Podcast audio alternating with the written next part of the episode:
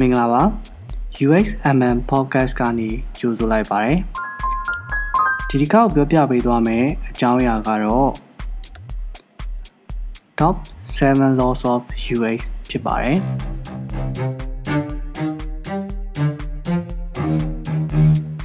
user experience ကောင်းတဲ့ product တစ်ခုဆိုတာ user ကခု product ကိုအသုံးပြုရတဲ့အခါလွယ်ရမယ်ဆက်သုံးခြင်းရမယ်မသုံးဝင်ရမယ် ဒီချက်တွေကိုအဓိကထားပြီးတော့ဒီဇိုင်းဆွဲကြပါတယ်တခါတလေဆွဲတော့ဆွဲတာပဲဒါပေမဲ့ UX မကောင်းဘူးဖြစ်နေတယ်ဆိုလို့ရှိရင်ကိုယ့်ရဲ့ဒီဇိုင်းကိုဒီ laws တွေနဲ့ခိုင်မကိုက်တစ်ချက်ပြန်ပြီးတော့ကြည့်လို့ရပါတယ် common sense မှာကွာလို့ပြောလို့ရပေမဲ့ UX ကောင်းတဲ့ product တွေဟာဒီ laws တွေနဲ့ကိုက်နေတာကိုတွေ့ရမှာပါ number 1 law of common region element တွေကို group ဖွဲ့မယ်ဆိုလို့ရှိရင်တီတီကြကြတိတာစေမဲ့ boundary တွေကိုထည့်ထားပေးပါဟုတ်ပါတယ်တခါတလေ screen တစ်ခုထဲမှာ item တွေရော train နေတာဟာ user တွေအတွက်မကောင်းပါဘူးနောက်ပိုင်း penny margin ကြက်ကြဲတွေတောင်းကြပါတယ် corporate design မျိုးသွားထားတာဆိုလို့ရှိရင်တော့ border တွေခတ်ပေးပါအဲ့ဒါကိုမကြိုက်ဘူးဆိုရင်နောက်ခံအယောင်ထည့်တာမျိုးနဲ့လည်းကန့်နိုင်ပါတယ် Number 2 loss of proximity နီးနီးကပ်ကပ်ရှိတဲ့ item တွေကို group အနေနဲ့မြင်စေပါတယ်ခုနကလို loss of common region နဲ့ကိုက်ညီအောင်လုပ်ထားတဲ့ item တွေဆိုလို့ရှိရင် group အနေနဲ့လုပ်ရတာပိုပြီးတော့လွယ်ကူပါလိမ့်မယ် grouping လုပ်ပြီး item တွေရဲ့ category ကို꿰꿰ပြပြဖြစ်အောင်လုပ်ပါ Number 3 font restrict effect object တွေစင်တူရှိနေတဲ့အခါသိစေမြင်စေတနည်းအားဖြင့်ပြောရလို့ရှိရင်ထိုးရောင်းခြင်းတဲ့ item တွေကို highlight ဖြစ်အောင်ပြမေးပါ package 3ခုမှာဝယ်စီခြင်းတဲ့ package ကို color ကွဲပြီးတောင်းတာမျိုးပေါ့ဆိုတော့ package 3ခုကိုလာစေခြင်းလုံးလို့ဆိုပြီးတော့တရောင်စီတော့မတုံတင်ပါဘူးအရေးကြီးတဲ့ information တွေ key action တွေကိုပေါ်လွင်အောင်ထားထားပေးပါ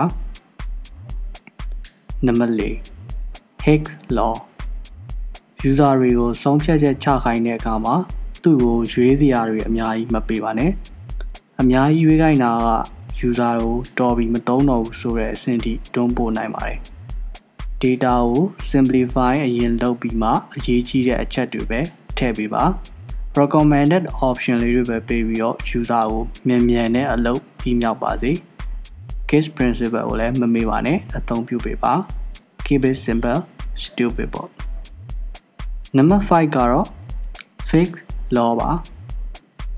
target တစ်ခုထိဖို့အတွက်လိုအပ်တဲ့အချိန်ဟာ target တစ်ခုရဲ့အကွာအဝေးနဲ့အရွယ်အစားပေါ်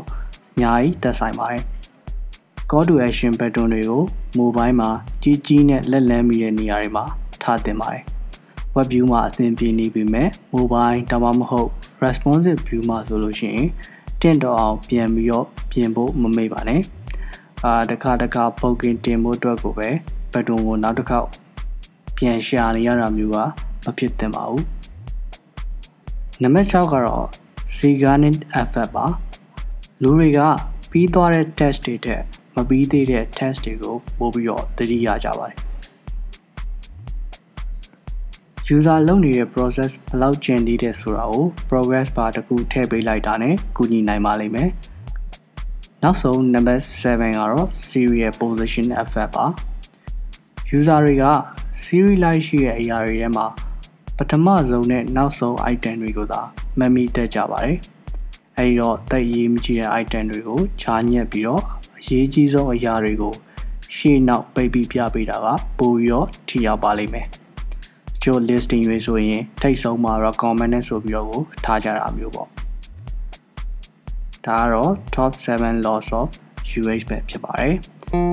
တခြား general laws တွေကိုသိချင်တယ်ဆိုလို့ရှိရင်တော့ laws.of.ux.com မှာသွားပြီးတော့ကြည့်နိုင်ပါတယ် UXMN podcast ကနေဒီလိုမျိုး